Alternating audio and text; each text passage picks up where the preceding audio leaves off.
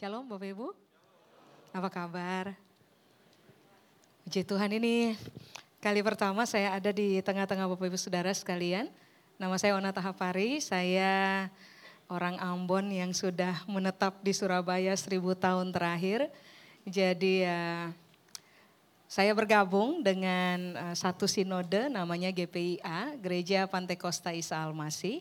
Lalu hari ini I'm so happy karena saya ditemani oleh uh, my best friend Ibu Yoti Manusama dengan Ibu Nova Putong. Saya senang karena saya hadir di sini tidak sendiri, ada teman-teman uh, yang menemani saya dalam semua kisah kehidupan. Dan terima kasih Pastor Wigan untuk kesempatan yang diberikan. Baik, uh, mari hari ini kita buka sama-sama teman-teman dalam 2 Timotius pasal 3. 2 Timotius pasal 3, saya akan baca ayat 16 dan ayat 17 untuk kita. Mari kita lihat dulu apa yang Alkitab berupaya untuk ajarkan kepada kita Bapak Ibu. 2 Timotius pasal 3 ayat 16 dan ayat 17. Kalau saudara sudah dapat saya akan baca. Alkitab bilang segala tulisan yang diilhamkan Allah memang bermanfaat untuk mengajar, untuk menyatakan kesalahan, untuk memperbaiki kelakuan dan untuk mendidik orang dalam kebenaran. 17. Dengan demikian tiap-tiap manusia kepunyaan Allah diperlengkapi untuk setiap perbuatan baik. Coba mari kita lihat kembali ke ayat 16 Bapak Ibu. Di ayat 16 Alkitab bilang segala tulisan. Jadi bukan tulisan tertentu aja, tapi Alkitab bilang segala. Itu saudara harus menggarisbawahinya. Kata tulisan di situ kalau dalam bahasa Ibrani menggunakan kata grafai. Grafai itu adalah artinya adalah begini. Hmm, semua isi dan pernyataan Tuhan yang tertulis di dalam kitab suci. Itu grafai itu, itu tulisan. Jadi kalau saudara baca kitab suci, firman Tuhan, Alkitab hari ini, semua isi semua pernyataan di dalamnya itu rupa-rupanya Alkitab bilang ini, itu punya manfaat. Gitu. Apabila apabila diilhamkan oleh Tuhan. Sebab tanpa pengilhaman dari Tuhan, apa pun yang saudara dan saya baca, tulisan-tulisan yang kita baca pada kitab suci, itu tidak akan berarti besar bagi kita. Tidak akan menggiring kita kepada pemahaman sampai kepada akar.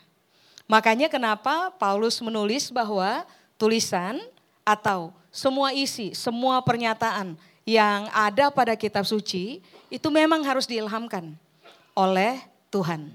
Nah apakah diilhamkan? Diilhamkan itu sederhana saja Bapak Ibu. Tuhan memberikan petunjuk di dalam cara kita berpikir. So, kalau Tuhan tidak memberikan petunjuk di dalam kita punya cara berpikir, Bapak Ibu, Tuhan yang tanpa batas dalam hikmat, susah pasti dipahami oleh kita yang terbatas dalam hikmat. Betul? Dia harus mengilhamkan hikmatnya kepada kita. Dia harus memberikan petunjuk dari dia di dalam kita punya cara berpikir.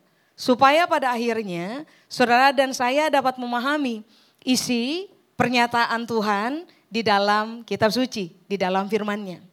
Makanya puji Tuhan sekali waktu, sekian waktu yang lalu, sebelum Yesus naik, Yesus bilang bahwa saya harus naik. So, kalau saya nggak naik, roh kudus nggak turun. Roh itu akan tolong kamu. Nama dari roh itu adalah roh kebenaran. Ya, kata kebenaran di situ menggunakan kata alitea. Salah satu pengertian dari alitea adalah roh yang mencintai kebenaran. Roh yang menggiring kita kepada cara berpikir benar, kata-kata benar, tindakan benar. Nah roh yang ini nih yang akan menolong saudara dan saya untuk pada akhirnya mendapatkan petunjuk demi petunjuk mengenai makna dari hikmat Tuhan di dalam seluruh bagian dari kitab suci yang kita baca supaya pada akhirnya kita paham dalam isi berpikir kita mengenai hakikat Tuhan dan seluruh kebenaran yang berkaitan dengan dia. Ya, saya ulang. Kalau tidak ada ilham dari Tuhan, kitab suci nggak ada manfaat bagi kita. Saya kasih contoh. Kalau saudara pelajari kitab Yohanes, saudara akan menemukan bahwa Yesus harus sering kali ada pada posisi begini. Pengajaran Yesus, cara Yesus berpikir sering kali tidak disetujui oleh ahli Taurat, orang Farisi, orang Saduki. Padahal kita bilang di kitab Yohanes, mereka belajar kitab. Mereka tahu konten kitab, isi dan semua pernyataan dalam kitab mereka tahu karena mereka belajar. Tapi lihat, waktu Tuhan datang, Kristus datang, Yesus datang sebagai manusia 100%, tetapi garis bawahi sebagai Tuhan 100% juga, dia datang Lalu dia mulai mengajarkan tentang hakikat kebenaran, tentang dirinya sendiri. Ini yang terjadi. Mereka, para ahli Taurat, melakukan tindakan menentang. Mereka belajar kitab, tetapi mereka menentang kebenaran. Nah ini kan masalah. Makanya kenapa Paulus bilang bahwa semua tulisan, isi pernyataan Allah di dalam kitab suci, dalam firman Allah, itu harus diilhamkan oleh Allah sendiri bagi kita. Supaya yang kita pelajari, yang kita dengar, kita dapat petunjuk, kita dimudahkan untuk memahami, baru tuh apa pun yang kita pahami itu akan mendatangkan manfaat bagi saudara dan saya. Saya kasih contoh, masih ingat? Sekali waktu Paulus menulis, jadi iman timbul dari pendengaran. Dan pendengaran oleh firman Kristus. Sudah? Iman tidak muncul tiba-tiba. Iman muncul dari pendengaran oleh firman Kristus. Nah banyak orang berpikir bahwa asal dengar firman aja iman pasti muncul. Enggak, enggak begitu. Saat kata mendengar di situ Yunani menggunakan kata akoe. Akoe itu artinya adalah you need to listen and understand. Kamu harus dengar dulu dengan baik-baik, dengan seksama. Lalu kamu akan digiring kepada pemahaman, pemahaman terjadi lalu kamu punya cara berpikir. Baru waktu kamu paham lalu kamu punya cara berpikir, hakikat kebenaran yang Tuhan kasih tunjuk di dalam isi kita berpikir, baru iman akan muncul. Jadi saudara bisa lihat bahwa ternyata firman Allah yang kita baca tulisannya dalam kitab suci, ternyata begini, tidak akan bermanfaat kalau itu tidak diilhamkan. Dan yang berkuasa untuk mengilham, mengilhamkan bagi kita, itu Tuhan. Makanya kenapa Alkitab bilang begini, Saudara dan saya sangat penting untuk memahami bahwa yang bisa menolong kita untuk memahami hakikat dari kebenaran firman Allah adalah Tuhan sendiri melalui rohnya. Yang bisa menanamkan keyakinan tentang kebenaran di dalam kita adalah Tuhan di dalam rohnya yang bergerak di dalam hidupnya kita. Makanya setiap kali orang mendengarkan firman Allah atau membaca firman Allah dalam kitab suci, saudara dan saya perlu meminta kepada Tuhan untuk ini, Tuhan, tolong kasih petunjuk dulu dalam saya punya cara berpikir. Bantu saya untuk menjadi orang yang terbuka kepada kekuatan persuasi firman Allah bagi hidup saya di dalam cara saya berpikir. Tuhan, Roh Kudus, minta tolong saya dibantu untuk meyakini isi atau pernyataan dari perkataan Tuhan dalam kitab suci. So, kalau saya nggak terpersuasi, saya tidak ada pada posisi diyakinkan, saya tidak mengalami pengalaman mata terbuka untuk memahami kebenaran yang Tuhan wahyukan, maka yang terjadi adalah begini, firman akan tetap menjadi tulisan-tulisan kosong yang kita bisa baca, tapi kita nggak ngakar. Firman bisa menjadi tulisan-tulisan yang kita baca, tetapi tidak akan menggiring kita kepada pemahaman mendasar yang memperkuat akar kita, sehingga kita bisa bertumbuh sehat dan menghasilkan buah-buah berkualitas. Makanya coba saudara perhatikan dengan baik bahwa sebelum dia menjelaskan manfaat tentang perkataan Tuhan, Paulus berupaya untuk menjelaskan kepada Timotius bahwa begini, tulisan ini memang harus diilhamkan. Tuhan harus mewahyukan dirinya buat kita. Bagaimana dia melakukannya? Dalam cara kita berpikir. Makanya begini Bapak Ibu.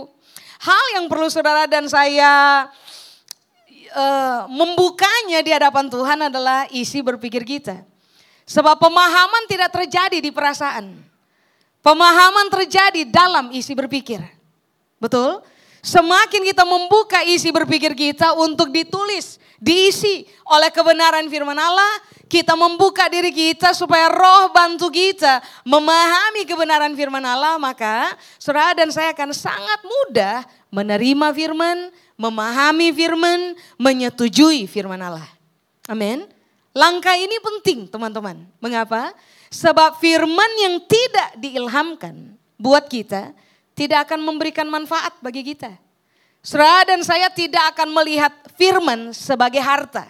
Sebaliknya, ketika firman Allah itu disampaikan kepada kita, lalu Tuhan memberikan wahyu kepada kita, petunjuk dalam cara kita berpikir sehingga kita dimudahkan untuk memahami firman Allah, maka yang akan terjadi adalah mata saudara dan saya akan melihat manfaat dari firman Allah dan akhirnya kita bergeser kepada konsep begini bahwa firman Allah adalah harta.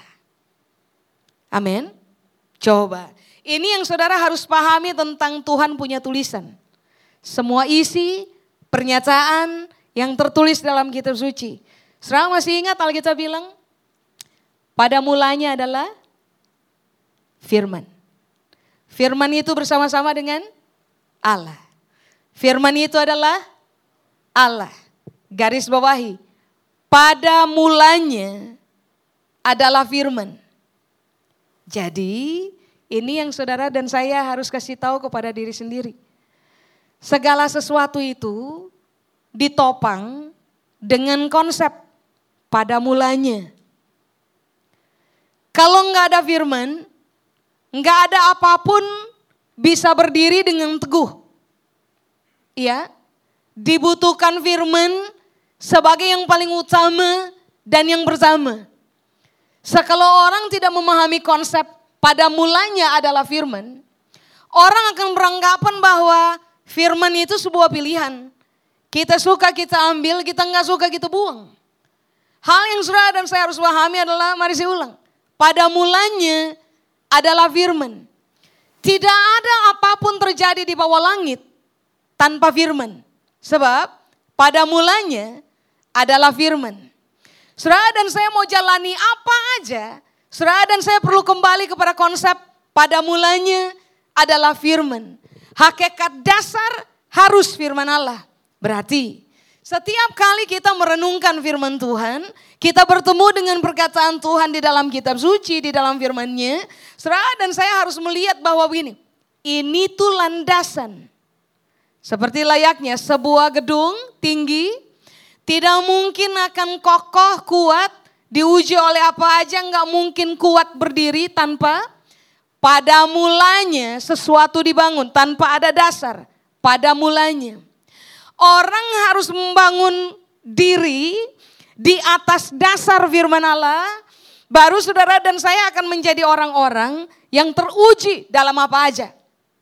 Kalau pada mulanya berkaitan dengan hidup kita bukan firman. Berarti saudara dan saya sudah tahu bahwa dalam perjalanan kehidupan kita ke depan nantinya selalu akan terbuka peluang untuk saudara dan saya gugur. Karena apa? Kita tidak menggarisbawahi pada mulanya adalah firman. Garis bawahi. Mau bangun usaha, pada mulanya adalah firman. Mau bangun keluarga, pada mulanya adalah firman. Mau bangun kualitas kehidupan manusia rohani, pada mulanya adalah firman. Apalagi? Mau bangun mimpi, mau kejar sebuah tujuan, garis bawahi, pada mulanya haruslah firman. Semua hal harus dimulai dari firman Allah. Karena tanpa firman Allah nanti akan terjadi adalah tidak ada sesuatu dari apa pun yang kita bangun yang akan bakal kuat berdiri tanpa firman Allah. Kebenaran ini harus ngakar kuat dalam saudara dan saya. Mengapa? Sebab pada waktu orang menyadari bahwa pada mulanya di tahapan paling awal harus firman Allah, maka saudara dan saya akan menjadi orang-orang yang begini. Apa pun yang terjadi, kita utamakan firman. Apa pun yang terjadi, kita prioritaskan firman. Kita mencari firman Allah. Kita tidak akan duduk dan merancang hidup tanpa pada mulanya adalah firman Allah. Kita tidak akan duduk dan merancang membangun sebuah usaha baru kalau tidak ada. Pada mulanya adalah firman Allah. Kita perlu menjadikan firman Allah sebagai landasan utama, alasan of being. Sebuah alasan untuk menjadi atau sebuah alasan untuk menghasilkan. Ini penting. Karena ternyata Alkitab bilang, firman Allah itu punya manfaat Bapak Ibu. Betul? Dan firman itu harus diilhamkan oleh Tuhan bagi kita. Saya ulang. Setiap kali dengar firman surah dan saya perlu berkata kepada Tuhan, saya buka isi otak saya. Saya buka otaknya saya, pemikirannya saya, saya buka. Tuhan boleh ajar apa aja. Roh Kudus bantu saya supaya saya dipersuasi oleh firman Allah. Saya diyakinkan oleh firman Allah. Tuhan menolong saya supaya mata saya kebuka dan saya bertemu dengan kebenaran dari firman Allah. So, pertemuan dengan kebenaran mengenai firman Allah, saya ulang, kasih manfaat untuk saudara dan saya.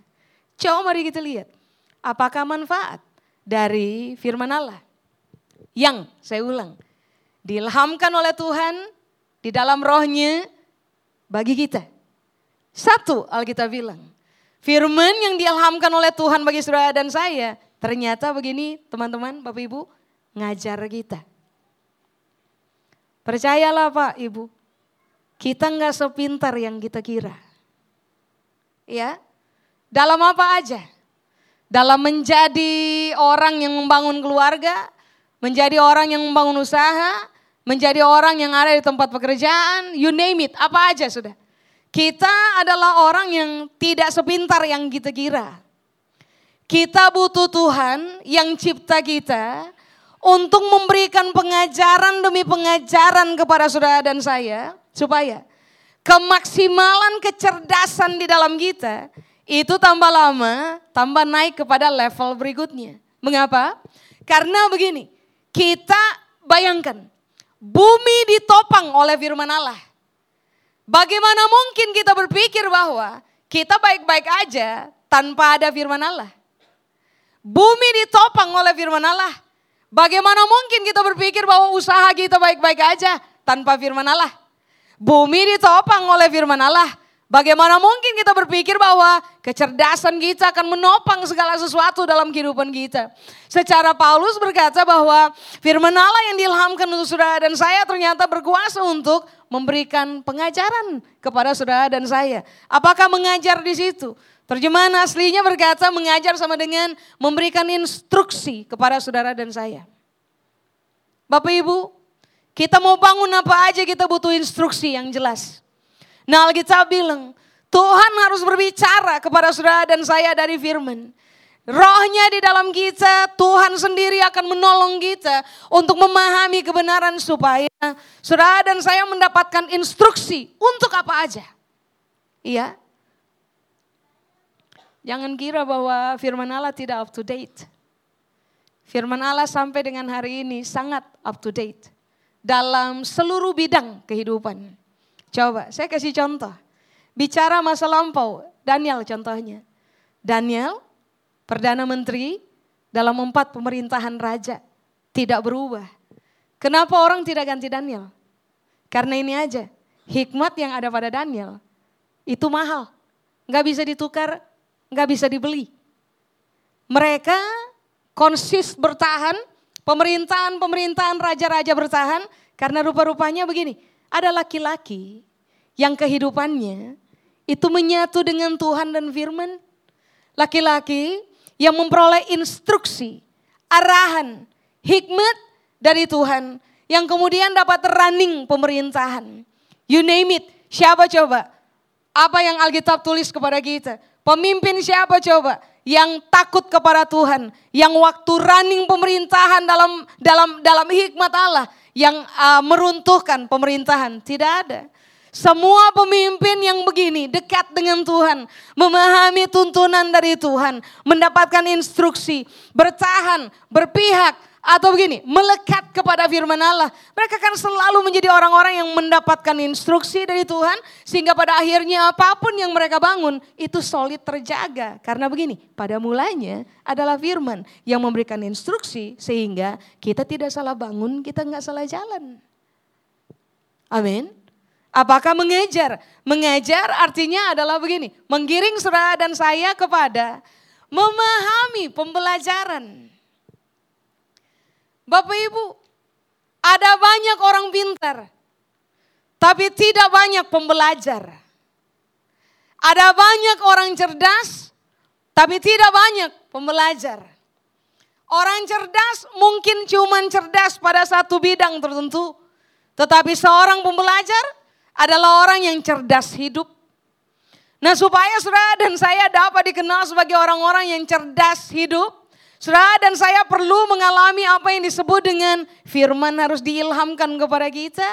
Pada mulanya firman Allah itu harus diilhamkan kepada kita. Supaya saudara dan saya akan dikenal sebagai orang-orang yang disebut dengan istilah pembelajar. Tahukah saudara bahwa orang cerdas belum tentu maju tetapi seorang pembelajar selalu akan mengalami progresivitas dalam kehidupan mereka dan bergerak maju? Itu dimotori oleh karena begini, ada firman yang diwahyukan kepada kita, diilhamkan kepada kita. Apakah mengajar? Menunjukkan jalan.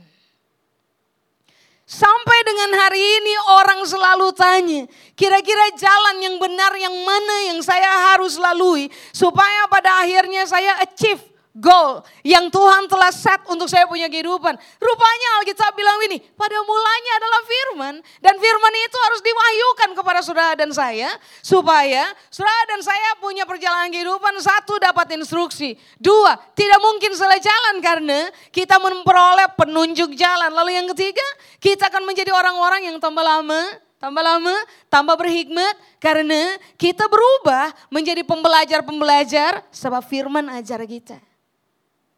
Halo? Apakah manfaat dari firman Allah? Dua, menyatakan kesalahan.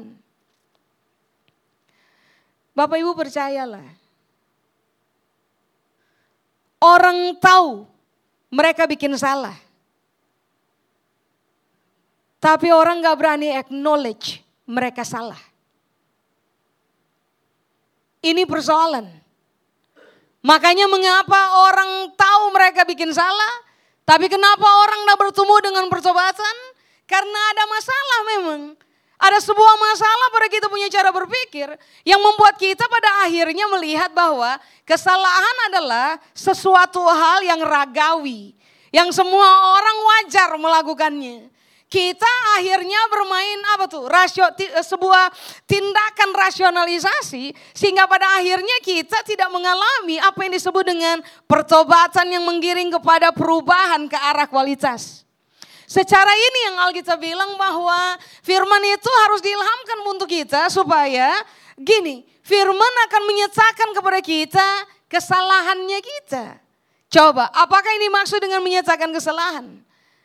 Yang dimaksud dengan menyatakan kesalahan adalah begini Pak Ibu. Yang pertama adalah membuktikan secara objektif bahwa kita salah. Jadi ini bukan ya saya tahu saya salah. Dan setelah itu kita tetap bikin kesalahan yang sama. Enggak. Menyatakan kesalahan itu artinya firman akan memberikan bukti di depan saudara dan saya punya mata betul-betul. Sehingga pada akhirnya saudara dan saya paham betul kita salah dan itu terjadi secara objektif. Menyatakan kesalahan. Halo? Kalau orang udah paham salah dalam pertimbangan objektif, jelas Pak Ibu, siapa yang cara berpikirnya objektif dan mereka sadar betul mereka telah terbukti salah, tidak ada cara lain yang akan mereka pilih selain berubah. Iya. Makanya mengapa tadi saya bilang, Saudara dan saya harus kasih tahu untuk diri sendiri, hey, pada mulanya itu firman. Kalau kamu mau hidup berkualitas sampai kepada perjalanan ke depan, hidupmu itu harus dimulai dengan firman Allah. Karena kalau firman itu diwahyukan, kamu akan menjadi orang yang begini, melihat bukti nyata bahwa iya, iya, saya salah. Firman menyatakan kesalahan, membuktikan kita, menegur kita. Bahwa memang kita salah pada realita objektif. Nah itu menolong kita untuk iya Tuhan, indeed saya salah. Itu aja tidak. Menyatakan kesalahan arti yang kedua adalah begini. Membawa saudara dan saya kepada terang. Makanya siapa bertemu dengan firman yang diilhamkan, gaya hidup mereka Pak Ibu pasti bertobatan. Mengapa coba? Ini yang Alkitab bilang.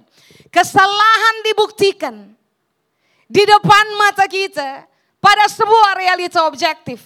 Lalu Tuhan akan membawa kita kepada cahaya. Menyatakan kesalahan. Kalau orang bertemu dengan cahaya, maka orang akan merangkul cahaya dan meninggalkan kegelapan.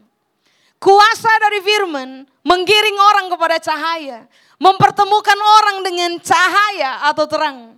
Makanya kalau sampai saudara dan saya hari ini masih juga bergumul dengan kesalahan yang sama. Tahu salah tapi belum berubah.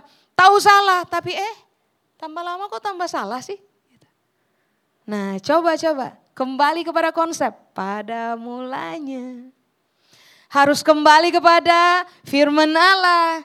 Harus minta Tuhan bantu saya, buka pikiran saya. Saya pahami Tuhan punya petunjuk. Saya mengalami yang disebut dengan istilah kebenaran terwahyukan pada cara saya memahami. Supaya pada akhirnya saya bisa menjadi orang yang bersetuju dan diyakinkan oleh kebenaran firman Allah. Sehingga Waktu firman ajar kita, dia buktikan kita masih salah di area A, salah di area B, ada bukti kita nggak bisa sangkal, itu sangat objektif, kita nggak bisa bantah. Lalu begini, dia nggak jatuhkan kita waktu dia buktikan kita salah. Yang dia buat berikutnya adalah dia giring kita kepada pertemuan dengan cahaya sehingga surah dan saya berubahnya, totally berubah. Bukan Senin berubah, Kamis main lagi. Halo? Dibutuhkan apa tadi?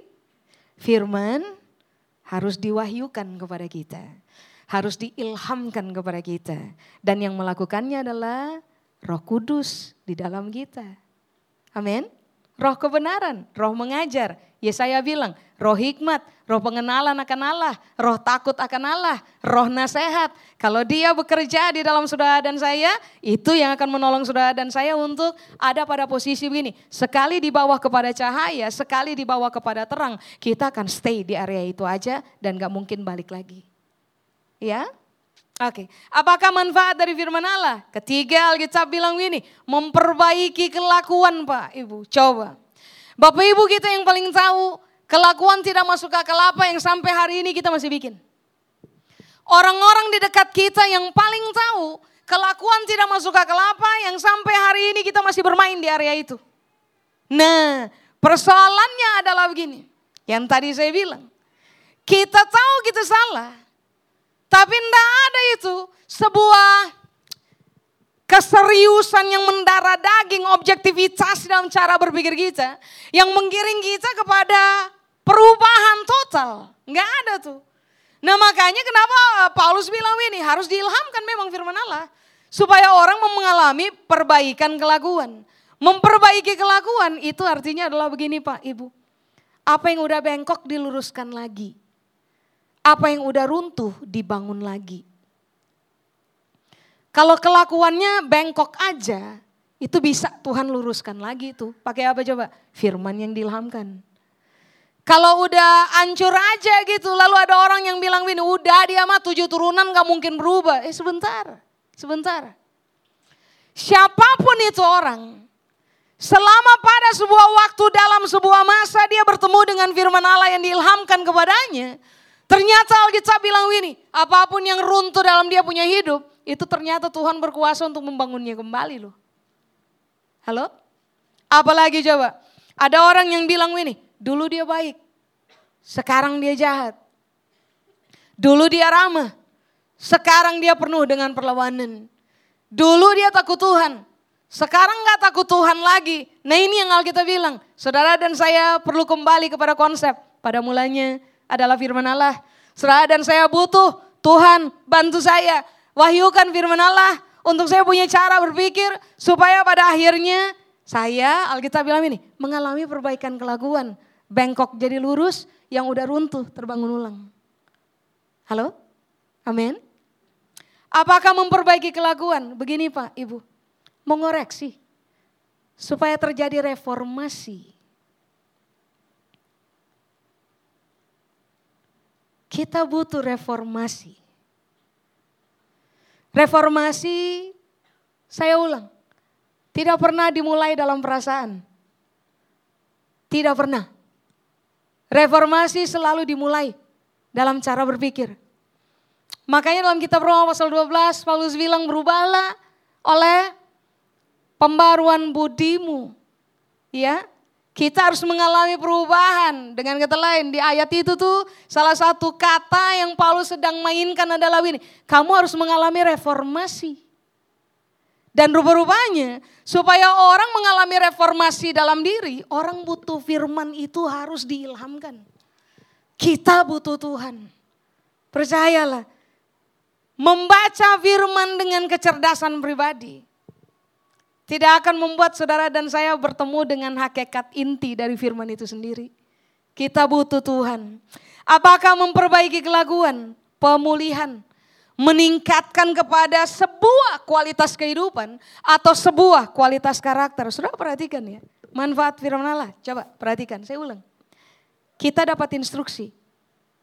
Kita berubah, bergeser tuh dari sekedar orang cerdas kepada seorang pembelajar. Kita menjadi orang-orang yang gini, tahu jalan mana yang kita harus ambil. Sudah? Berikutnya tadi apa? Kita akan menjadi orang-orang yang tahu betul secara objektif, iya saya salah di sini nih.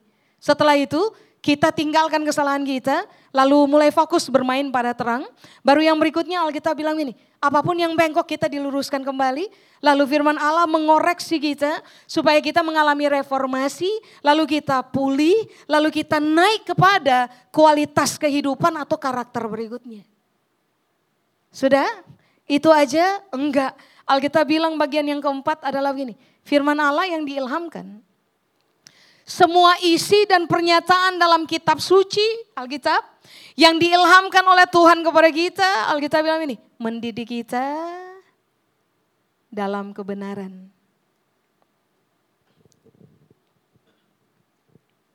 Orang-orang yang kualitas karakternya tidak teruji, biasanya kita suka bilang ini, dulu kurang didikan. Ya enggak sih? Itu anak siapa sih? Enggak dididik banget ya sama orang tuanya. Coba. Secara ini Alkitab bilang. Bapaknya kita tipikal pendidik.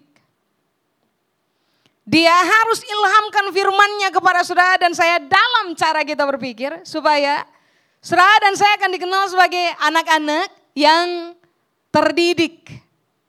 Mari. Kata mendidik di situ artinya adalah begini. Anak-anak yang terbiasa dilatih. Anak-anak yang gak kaget dengan pendisiplinan. Anak-anak yang begini, di dalam pikiran mereka telah terbiasa ditanam hakikat dari kebenaran moral supaya pada akhirnya bertemu dengan tujuan. Ulang-ulang. Firman Allah berkuasa mendidik kita di dalam kebenaran. Betul? Apakah mendidik? Menggiring kita kepada proses berlatih. Tuhan kalau lihat kita, eh dia mau jadi orang sabar. Oke? Okay? Firman diilhamkan pada kita, lalu selamat datang. Kita akan bertemu dengan pelatihan demi pelatihan demi pelatihan demi pelatihan sampai saudara dan saya terdidik jadi orang sabar. Kalau kita udah terdidik sebagai orang sabar, mau dibombardir oleh apa aja, identitas itu udah nggak bisa dirubah. Karena kitanya udah terdidik. Nah rupanya Alkitab bilang, itu manfaat tuh dari firman yang diwahyukan kepada kita. Lalu begini, pendisiplinan. Orang-orang yang terdidik dalam kebenaran firman Allah adalah orang-orang yang terbiasa dengan kata disiplin. Disiplin dalam keuangan, disiplin dalam waktu, disiplin dalam you name it, disiplin apa aja. Rupa-rupanya ketika orang berinteraksi dengan kebenaran firman Allah, lalu digiring bertemu dengan cara berpikir objektif, pertimbangan yang objektif, maka saudara dan saya akan menjadi orang-orang yang terdidik pada konsep merangkul pendisiplinan sebagai gaya hidup. Iya, coba-coba. Orang Kristen tidak suka dengan kata disiplin. Terbanyak. Padahal yang Alkitab ajar adalah pada waktu saudara dan saya bertemu dengan firman yang diwahyukan kepada kita, maka saudara dan saya akan menjadi orang-orang terdidik di dalam kebenaran. Kekuatan yang akan bergerak solid di dalam kita adalah kita terlatih, kita terbiasa disiplin. Lalu yang berikut Alkitab bilang apa tadi? Kita di dalam pikiran kita akan tertanam semua kebenaran moralitas, semua standar kebenaran kerajaan Allah yang nantinya akan mengiring kita kepada menjadi orang-orang gini, menjadi people of purpose. Orang-orang yang punya tujuan. Coba. Tanpa adanya firman Allah yang diilhamkan kepada kita, orang akan selalu salah tujuan. Coba. Cek survei. Pertanyaan terbanyak manusia hari ini adalah tujuan hidup saya apa? Padahal Alkitab bilang dari awal, kalau kamu kembali kepada konsep pada mulanya adalah firman. Kalau mau mulai apa aja, Permulaannya harus firman Allah. Firman Allah yang diwahyukan kepada kita. Maka yang akan terjadi adalah firman itu akan memberikan memberitahukan kepada saudara dan saya tujuan ke arah mana kita akan pergi. Halo? Coba-coba, mendidik dalam kebenaran. Kebenaran di situ kan kata Yunani yang dipakai adalah dikaiosonai kan. Nah dikaiosonai di situ berkaitan dengan integritas, berkaitan dengan tidak menghakimi, berkaitan dengan tidak munafik, berkaitan dengan sebuah perilaku baik atau pekerjaan baik, berkaitan dengan uh, keadilan, kebijaksanaan atau kepatutan, berkaitan dengan apa lagi? keseimbangan antara cara berpikir, kata-kata dan kelakuan. Jadi ini yang Alkitab bilang. Rupa-rupanya firman Allah kalau itu dihamkan kepada kita, Saudara dan saya akan menjadi pribadi-pribadi yang begini Pak Ibu, sangat disiplin dalam persoalan integritas. Sangat terlatih dalam persoalan integritas. Kita akan menjadi orang-orang yang di dalam isi berpikir kita udah ketanam aja bahwa integritas adalah gaya hidup, integritas adalah identitas dan itu merupakan hal yang kemudian kita akan bergerak di dalamnya. Halo? tidak munafik, tidak menghakimi, keseimbangan objektivitas antara keseimbangan antara berpikir, berkata-kata dan berkelakuan itu akan menjadi sasaran-sasaran pencapaian kita dalam kehidupan. Kenapa coba? Firman Allah diilhamkan pada kita. Amin. Bapak Ibu, kenapa ini kita harus pahami? Kita harus paham bahwa firman Allah adalah permulaan, dasar yang saudara dan saya harus tanam dulu, baru bangun apa aja. Gitu. Kenapa ini penting? Ulang ya. Segala tulisan yang diilhamkan Allah memang bermanfaat untuk mengajar, menyatakan kesalahan, memperbaiki kelakuan, mendidik orang dalam kebenaran. Sudah? Kenapa ini penting? Lihat ayat 17.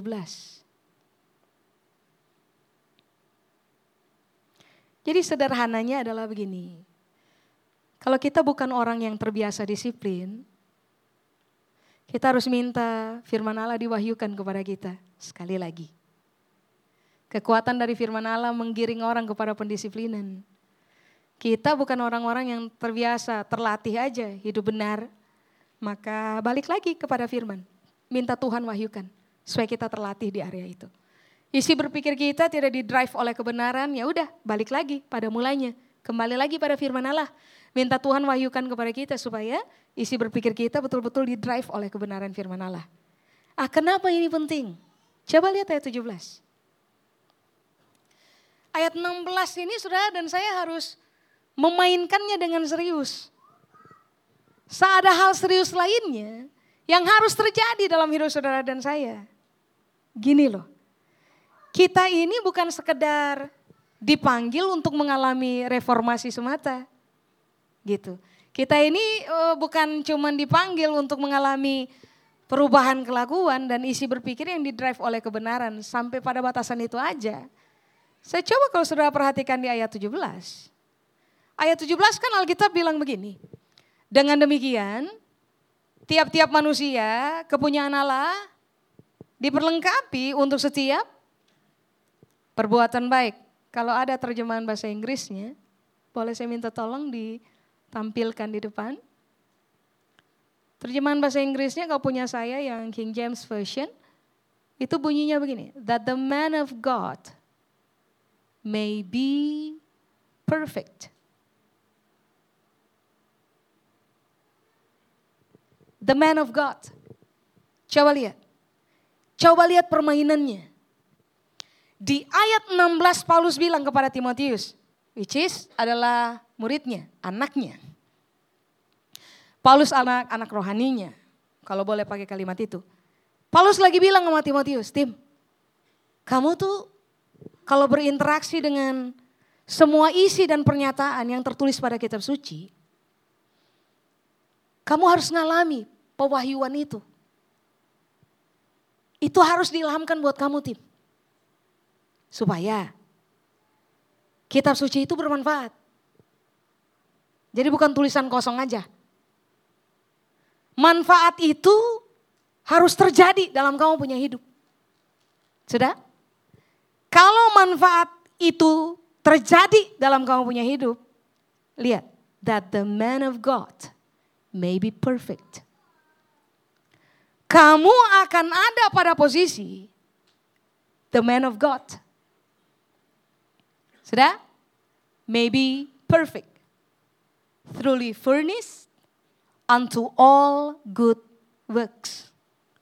Jadi Alkitab bilang ini, 16 harus dimainkan. Supaya kita akan dikenal sebagai the man of God. Ya. Yang begini, teman-teman. Perfect. 16 nggak dimainkan, teman-teman dan saya, Bapak Ibu dan saya, tidak akan ada pada konteks the man of God may be perfect. Ini bukan maybe, tapi may be perfect. Kita nggak akan menjadi the man of God yang perfect. Kata perfect di situ. Yunani bilang arteos kan? Arteos itu artinya begini. Kita nggak akan menjadi the man of God yang utuh, lengkap, sempurna, cocok, cakap, cerdas untuk melakukan apa aja. Ulang. Makanya tadi saya bilang, kita harus melandasi hidupnya kita dengan konsep pada mulanya itu firman. Jadi jangan mulai apa pun tanpa firman. Firman itu awalan. Buang awalan, rusak kamu punya hidup. Mulai semua dengan firman. Firman itu harus diilhamkan buat kita. Supaya manfaat ada. Lalu kita akan disebut sebagai the man of God. Yang ada pada posisi begini. Perfect saya ulang. Lengkap, sempurna, utuh, pas, cocok, cakap, cerdas untuk bikin apa aja. Iya? Rupa-rupanya firman Allah yang diilhamkan pada kita, manfaatnya kalau bekerja di dalam saudara dan saya sesuai ayat 16, Alkitab bilang ini kan. Maka kita itu ada pada posisi itu tuh, truly furnished. Benar-benar diperlengkapi. Kalau kita benar-benar diperlengkapi, maka kita akan dikenal dengan istilah ini. The man of God yang perfect. Coba-coba. Diperlengkapi itu artinya begini teman-teman. Dibekali sepenuhnya. Oleh apa? Oleh firman Allah. Firman Allah yang kemudian diilhamkan pada kita. Sebenarnya waktu bermanfaat bagi kita. Serah dan saya ada pada posisi begini. Sedang dibekali sepenuhnya. Sudah? Apalagi? sedang dilengkapi seluruhnya untuk mencapai. Furnis itu juga artinya adalah begini, untuk menyelesaikan sesuatu tepat waktu. Masih ingat nggak? Kalau saya nggak salah ada di kitab Ibrani ya. Penulis bilang ini, kalau ditinjau dari sudut waktu, harusnya kamu udah ngajar. Di Ibrani kayak itu. Kalau ditinjau dari seluruh waktu, harusnya kamu udah ngajar. Tapi sampai dengan hari ini, kau masih perlu diajar asas-asas pokok penyataan Allah. Berarti ada yang salah kan dalam permainan waktu? Ya enggak sih? Harusnya kita udah ngajar. Tapi sampai hari ini kita masih perlu lagi diajar mengenai asas-asas pokok penyataan Allah. Nah, kalau dikaitkan dengan fakta ini, berarti Alkitab lagi bilang begini. Waktu orang bertemu dengan firman Allah, firman itu harus diwahyukan kepada mereka. Supaya manfaat dari firman Allah itu berlangsung terjadi dalam saudara dan saya punya kehidupan. Kalau manfaat dari firman Allah terjadi dalam kita punya kehidupan, Alkitab bilang ini, kita di, kita dibekali penuh. Sudah, kita menjadi orang yang bisa menyelesaikan waktu, gini, uh, tepatnya gimana ya? Menyelesaikan waktu pada ketepatan. Iya, sehingga pada akhirnya saudara dan saya menjadi orang-orang yang siap, lengkap, utuh untuk mencapai sesuatu. Nah begini. Tadi Alkitab bilang, perfect, truly furnished. Kita dibekali oleh firman Allah. Supaya kita itu cocok, pas, penuh, utuh, sempurna. Apalagi tadi, cakap, cerdas untuk melakukan sesuatu. Sesuatu apa? Itu Paulus bilang. Setiap perbuatan baik. Kegagalan dari orang percaya adalah mencapai ayat 17. Di mana ayatnya? Karena kita ini adalah buatan Allah. Diciptakan dalam Kristus Yesus untuk melakukan Udah lupa ya? Pekerjaan baik yang dipersiapkan Allah dari sebelumnya. Kalimat terakhir bilang apa? Ia mau supaya kita hidup di dalamnya. Kita ciptaan Allah. Diciptakan di dalam Kristus Yesus. Untuk melakukan pekerjaan baik yang dipersiapkan Allah sebelumnya. Dia cipta kita supaya kita dapat melakukan pekerjaan baik. Lalu dia bilang ini, dia mau kita hidup di dalamnya. Dalam apa coba? Dalam pekerjaan baik. Sudah? Nah, sekarang Paulus lagi ngajar Timotius bahwa begini.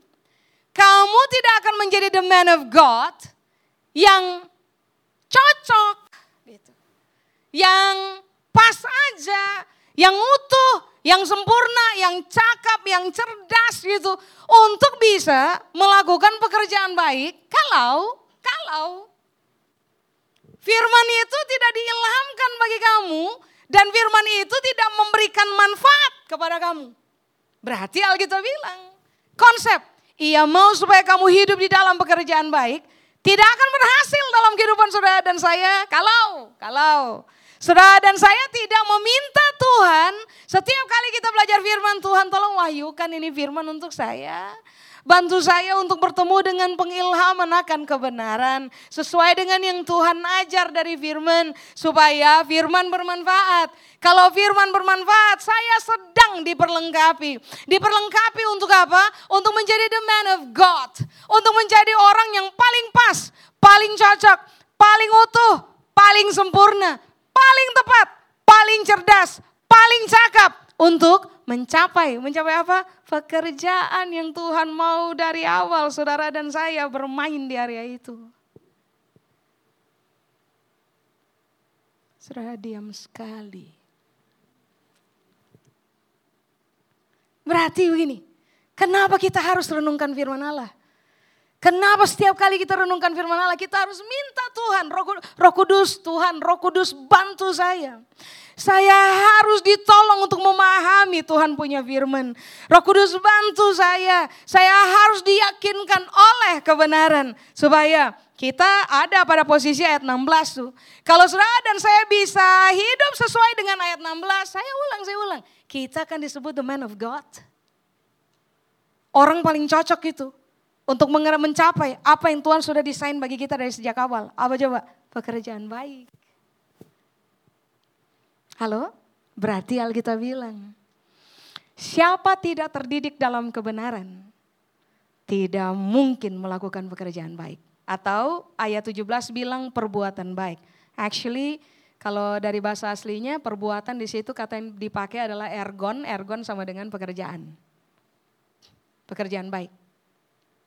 Jadi tahukah saudara bahwa dalam seluruh proses pembelajaran hidup, dalam seluruh kebenaran firman Allah yang diupayakan diwayukan kepada kita, salah satu kepentingannya adalah supaya Serah dan saya berhasil ada pada kondisi yang perfect. Apa itu? Menghasilkan pekerjaan baik dalam hidupnya kita. Halo? Dan pekerjaan baik bukan hanya berkaitan dengan konteks kita orang baik. Enggak. Pekerjaan baik itu berkaitan dengan kemampuan kita menghasilkan sesuatu yang baik keluar dari hidupnya kita. Ada sifat baik ada kuasa untuk menghasilkan sesuatu yang baik keluar dari kita. Coba-coba, saudara bisa lihat dengan saya dalam uh, pekerjaan baik. Kata good di situ agatos. Agatos itu kebaikan natural. Bukan kebaikan yang dibuat-buat, enggak, natural aja. Kita enggak baik supaya dilihat orang, kita baik natural. Essence baik udah ada dalam kita, makanya kita baik. Apakah kata baik? Tindakan terhormat yang orientasinya adalah kasih keuntungan buat orang lain. Itu agatos. Coba lihat. Orang hari ini fokusnya adalah baik dengan motif. Kita yang telah main di ayat 16, baiknya kita natural. Enggak ada motif. Enggak? Kita yang terbiasa main di ayat 16, yang akan terjadi dalam kita adalah kita akan menghasilkan tindakan-tindakan terhormat yang orientasinya adalah kasih untung buat orang lain.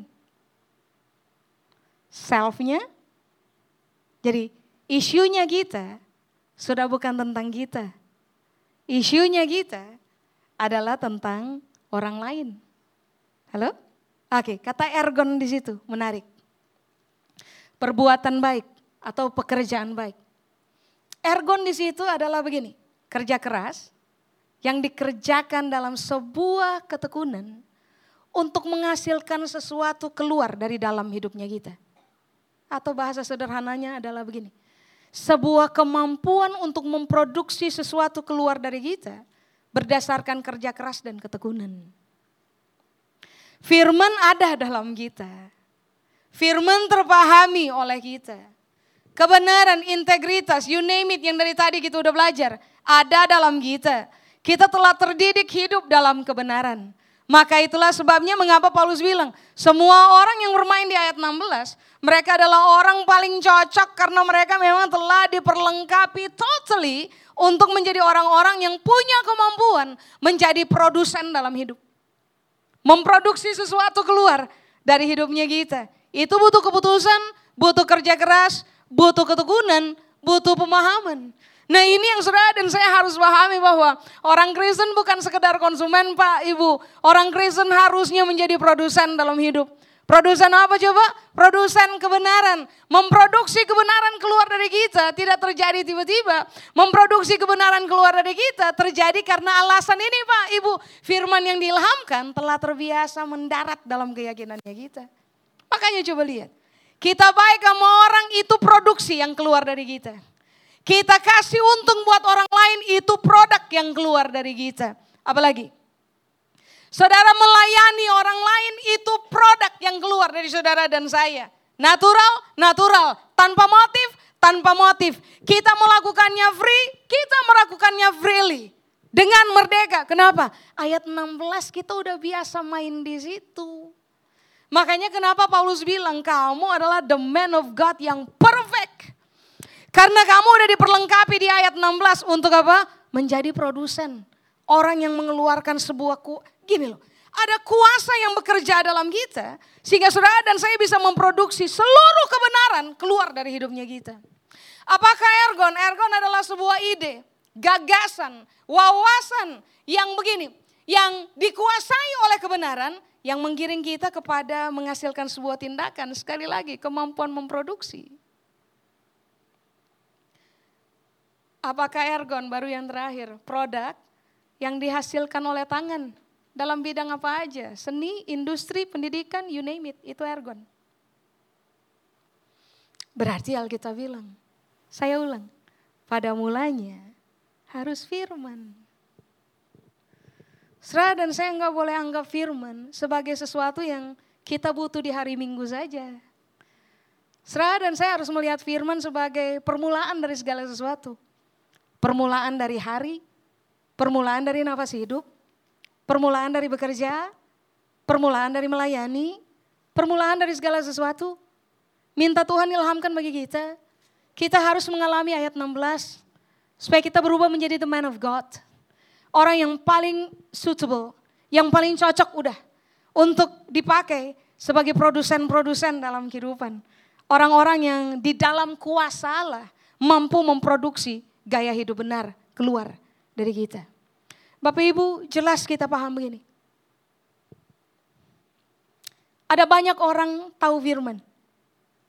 Berkhotbah pakai firman bahkan. Tapi lihat, kelakuan bertolak belakang dengan apa yang diajar. Pertanyaannya, kenapa? Hari ini kan kita paham kamu tidak akan pernah punya kemampuan untuk memproduksi kebenaran. Kristus di dalam kita, rohnya di dalam kita, firman di dalam kita. Kekuatan memproduksi, kuasa memproduksi udah ada dalam kita. Tinggal kita keluarkan aja. Iya, tapi kekuatan untuk mengeluarkan produk kebenaran itu keluar dari kita tidak akan terjadi tanpa saudara dan saya membiarkan firman itu ter, gini, meminta Tuhan mengilhamkan firmannya bagi kita. Manfaat firman harus terjadi bagi kita. Baru ulang. Kita akan jadi the man of God. Kita akan jadi orang paling tepat untuk memproduksi semua kebenaran keluar dari dalam hidupnya kita. Amin. Mau rumah tangga jadi bagus, ingat pada mulanya itu firman. Firman itu harus diwahyukan untuk saudara sebagai kepala keluarga. Mau perusahaan jadi bagus? Ah, pada mulanya adalah firman. Firman harus diwahyukan kepada saudara sebagai pemimpin dalam sebuah perusahaan. Atau apalagi, pada mulanya adalah firman. Ingat, di tempat saudara bekerja, saudara harus memulainya dengan firman Allah yang diwahyukan. Saudara harus mendapatkan manfaat dalam diri. Saudara harus berubah menjadi the man of God. Orang yang paling tepat untuk menghasilkan pekerjaan baik. Saudara perhatikan, semua orang yang hidupnya didrive oleh firman Allah. Lihat saja, semua produk yang berhasil keluar dari hidupnya mereka selalu kasih untung orang lain. Selalu kasih manfaat untuk orang lain. Makanya Paulus bilang, kamu akan dikenal sebagai the man of God kalau kamu bermain ayat 16 dengan betul. Saya selesai Bapak Ibu, terima kasih Tuhan Yesus memberkati. Saya undang saudara mari bangkit berdiri. Kita datang kepada Tuhan. Saya berharap saudara pulang dan saudara berpikir ulang bahwa begini. Manusia nggak hidup dari roti aja. Manusia hidup dari firman Allah.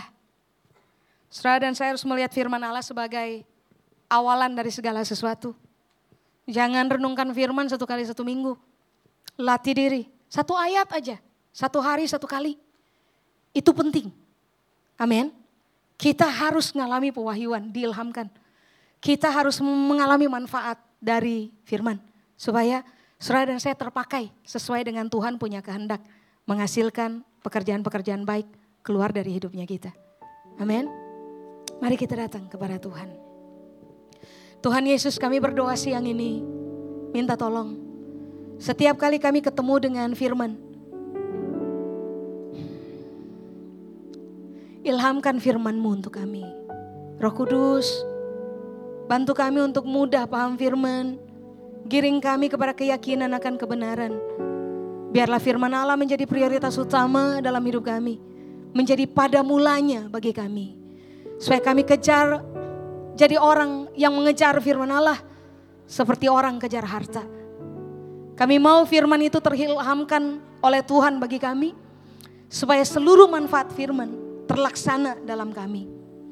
Kami mau akhirnya berubah dan dikenal sebagai the man of God yang perfect untuk mengerjakan pekerjaan baik yang Tuhan sudah siapkan untuk kami kerjakan dari sebelum bumi ini ada. Kami mau dikenal sebagai orang-orang yang paling tepat untuk dipakai oleh Tuhan, mengeluarkan produk-produk benar keluar dari hidup kami. Mengeluarkan bukan sekedar ide, isi berpikir dan gagasan-gagasan benar aja, tetapi juga menghasilkan tindakan-tindakan benar keluar dari hidup kami. Supaya pada akhirnya siapa pun yang hidup bersama-sama dengan kami, bekerja bersama-sama dengan kami, mereka pada akhirnya bisa menarik kesimpulan bahwa kami betul adalah the man of God. Orang yang paling cakap, paling cerdas, paling pas, paling utuh, paling lengkap, paling sempurna. Untuk dipakai oleh Tuhan. Mengerjakan pekerjaan-pekerjaan baik. Hari ini kami berdoa kiranya Tuhan menolong kami supaya kami berhasil. Menuntaskan kehendak Tuhan dalam hidup kami. Saya waktu kami pulang ketemu dengan Tuhan. Kami ada pada posisi finishing well. Kobarkan hati kami sehingga hati kami menjadi lapar dan haus akan firman Allah. Tiap jam, tiap waktu, tiap saat. Kami mau betul-betul ayat 16 terlaksana dalam hidup kami. Menikmati manfaat dari firman Allah. Supaya ke mana pun kami pergi, di mana saja kami berada. Nama Tuhan dihormati orang. Dan orang mendapatkan keuntungan dari hidup kami. Rahmat anugerahmu menyertai kami turun-temurun. Kepada Tuhan seluruh kemuliaan di dalam nama Yesus kami berdoa. Amin.